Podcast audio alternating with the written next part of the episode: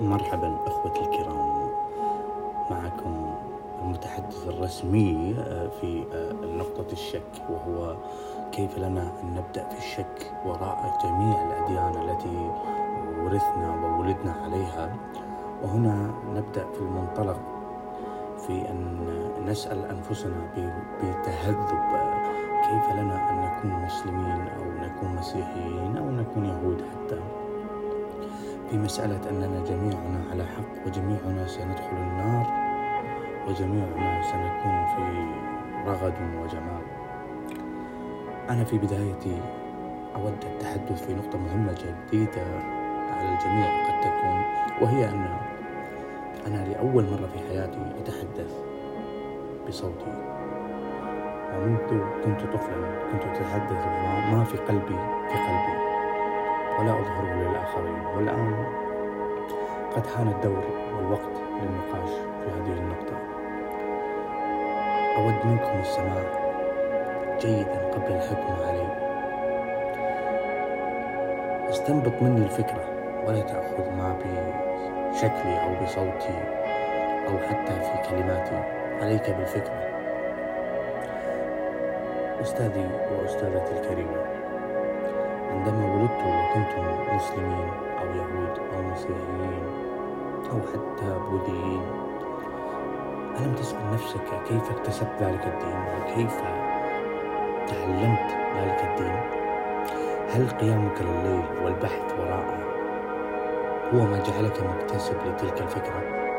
أم هي مسألة وراثية لا نقاش عليها؟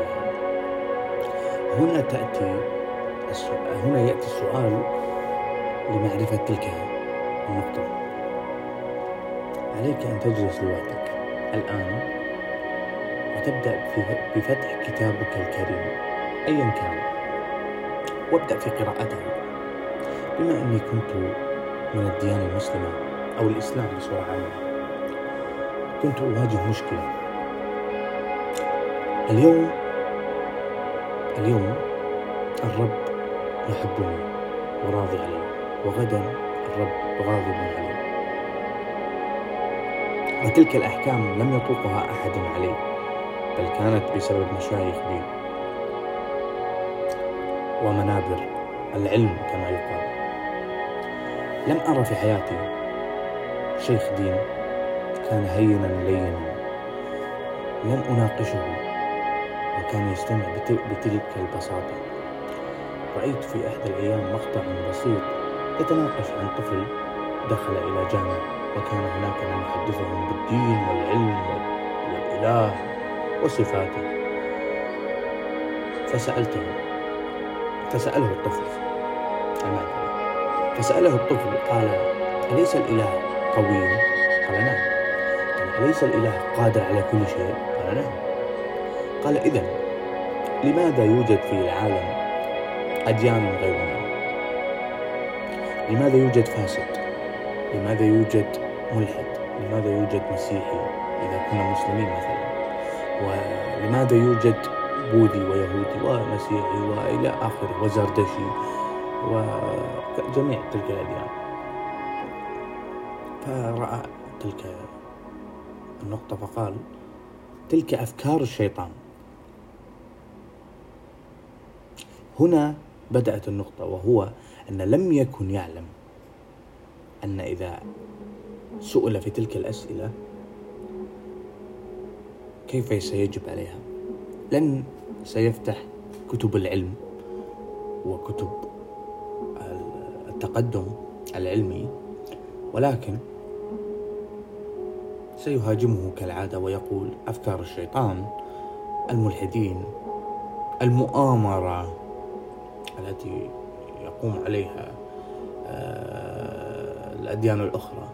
وتلك الأنماط تدل على أن لا يوجد هناك فكر ثابت للدين. فالدين عبارة عن قواعد وضعها إنسان حتى يؤمن نفسه من تلك المخاوف. كذلك عندما تسأل شخص لماذا يسقط المطر؟ هناك نوعين من الإجابة. المتدين سيقول بأمر الإله والمتعلم سيقول الغيم عندما تصطدم بغيم فتحدث يعني مطرة يعطيك أسباب علمية وهنا تفهم كيف لشخص ضامن ومتأكد من دخوله الجنة ولا يحمل أسباب علمية أو منطق بمعنى أصح. ولكن الآخر قد يكون من ديانة في نظرك كافرة هالكة يعطيك أسباب مقنعة وعلم وتجارب علمية علمية ونظرية أيضا. فتصطم كيف لي أن أعلم ذلك. هذه أول حلقة لإلي وأول نقاش للمستمعين الكرام. لكن عليكم إعادة الفكر. فالقادم أفضل ولكن بمساعدتكم لفهم ما نحن عليه من تعاسة وشكرا لاستماعكم.